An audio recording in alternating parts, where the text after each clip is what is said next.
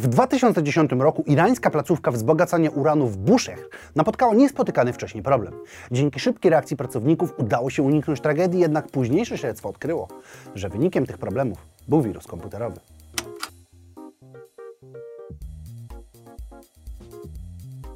I to nie byle jaki wirus. Stuxnet to pierwszy robak używany do zmiany oprogramowania urządzeń przemysłowych. Data jego odkrycia to czerwiec 2010 roku, jednak najwcześniejsze wersje pochodzą nawet z 2009. Odkryto go na licznych komputerach w Indiach, Chinach czy właśnie Iranie. Jego działanie spowodowało problem indyjskiej satelity, a także wcześniej wspomniany problem w Bushehr. Jego odkrycie, a także analiza kodu otworzyła drogę dla wirusów, które mogą powodować katastrofy na globalną skalę. Jednak mimo tego zagrożenia nie jest to najgroźniejszy wirus. Ale mówiąc o wirusach komputerowych, każdy może się przed nimi uchronić, a najlepszym rozwiązaniem na to będzie program antywirusowy. Dlatego chciałbym Wam polecić najlepszy, jaki znam, czyli antywirus ESET, który stale jest ulepszany i rozwijany o nowe funkcjonalności. ESET, poza tym, że działa najlepiej na rynku, to także nie spowalnia pracy Twojego urządzenia, a dodatkowo dostępna jest teraz dla Was najnowsza wersja tego rozwiązania, ulepszona o dodatkowe funkcjonalności. W opisie filmu znajdzie się link do wersji testowej na 30 dni. Zapraszam Was do zajrzenia na stronę, pobrania wersji testowej ESET i jej sprawdzenia. Co więcej, tylko do 15 grudnia tego roku ESET ma dla Was loterię, w której możecie wygrać Forda Mustanga, a także wiele innych nagród. Promocja trwa do 15 grudnia, zatem nie zwlekajcie, rejestrujcie się jak najliczniej. Link do strony loterii również zostawiam w opisie, a teraz wracamy do materiału. Wirusy komputerowe są stare jak sam internet. Jeden z bardziej znanych to Klez, który najwięcej zdziałał w październiku 2001 roku. Przenosił się on wykorzystując luki w przeglądarce i samodzielnie wysyłając maile do innych użytkowników sieci. W szczytowym momencie był on obecny na 7% wszystkich komputerów na świecie. Jego młodszy kolega I Love You, który pochodził z 2000 roku, był dużo groźniejszy, zarażając nawet 10 milionów urządzeń. I o ile Klec był bardziej skomplikowanym oprogramowaniem, którego usunięcie trwało lata, to I Love You został stworzony przez studenta z Filipin, który chciał dostać hasła do różnych serwisów. Nie był on świadomy tego, że prosta wiadomość tekstowa będzie tak groźna i rozniesie się tak szybko. By zrozumieć straty, jakie ten wirus powoduje, to koszt zatrzymania Kleza wyniósł nawet 19,8 miliarda dolarów. To był właśnie koszt wstrzymanych maili, zatkanych serwerów i wielu innych drobniejszych i poważniejszych uszkodzeń w systemach komputerowych.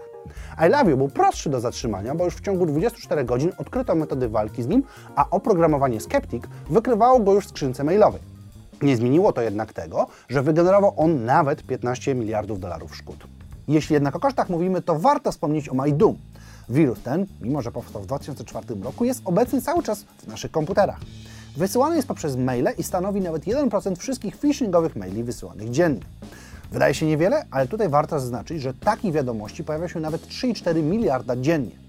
Ludzie cały czas padają ofiarami mailowych oszustw, gdzie dowiadują się o spadku po afrykańskim księciu, wygranej miliarda dolarów, czy po prostu tego, że ich komputer ma wirusa. MyDoom w samym tylko 2004 roku wygenerował 38 miliardów dolarów strat. Jego działanie było proste, ale niezwykle skuteczne. Wysyłał on się samodzielnie poprzez maile i robił to niezwykle agresywnie, odpowiadając za nawet 25% wysłanych wiadomości na świecie. Wirus klonował się na urządzeniach i wysyłał dalej, jednocześnie włączając komputery do botnetu. Ten z kolei służył do przeprowadzenia ataków DDoS, które wyłączały strony i serwery. Do tego nie udało się zlokalizować jego pochodzenia, a i wydaje się, że sam wirus nie miał z góry zdefiniowanego celu. Podsyca to linijka kodu znajdująca się w pierwszych wersjach, która zawiera wiadomość. Robię tylko swoją robotę, nic osobistego, przepraszam. Co sugeruje, że stworzenie wirusa mogło być komuś zlecone. Te wirusy nie działają jednak tylko dlatego, że są niezwykle nośne. Jest to pomocne. Jednak główną przyczyną jest to, że ludzie nie zabezpieczają swoich komputerów, bądź są nieświadomi zagrożenia, jakie może płynąć z klikania w podejrzane maile. Bardzo dobrze mówi o tym Jim Browning, który na swoim kanale zajmuje się polowaniem na skamerów. Korzystają oni z podobnych do Majdum wirusów, które przekierowują potencjalne ofiary do fałszywych call center, gdzie wyciąganie danych, kart czy innych wrażliwych informacji nie jest takie trudne, jak mogłoby się wydawać. Jednak nie są to jedyne tak niebezpieczne wirusy, które istnieją. Taki Zeus jest specjalnie stworzonym oprogramowaniem, które używa botnetu, by atakować banki czy organizacje na całym świecie. Stała za nim zorganizowana grupa, której nawet 100 członków zostało złapanych. Wirus atakował banki i konta prywatne, następnie przelewał pieniądze na sekretne konta w innych regionach świata, jednocześnie wywołując chaos i niszcząc dokumentację, tak by ukryć kradzież.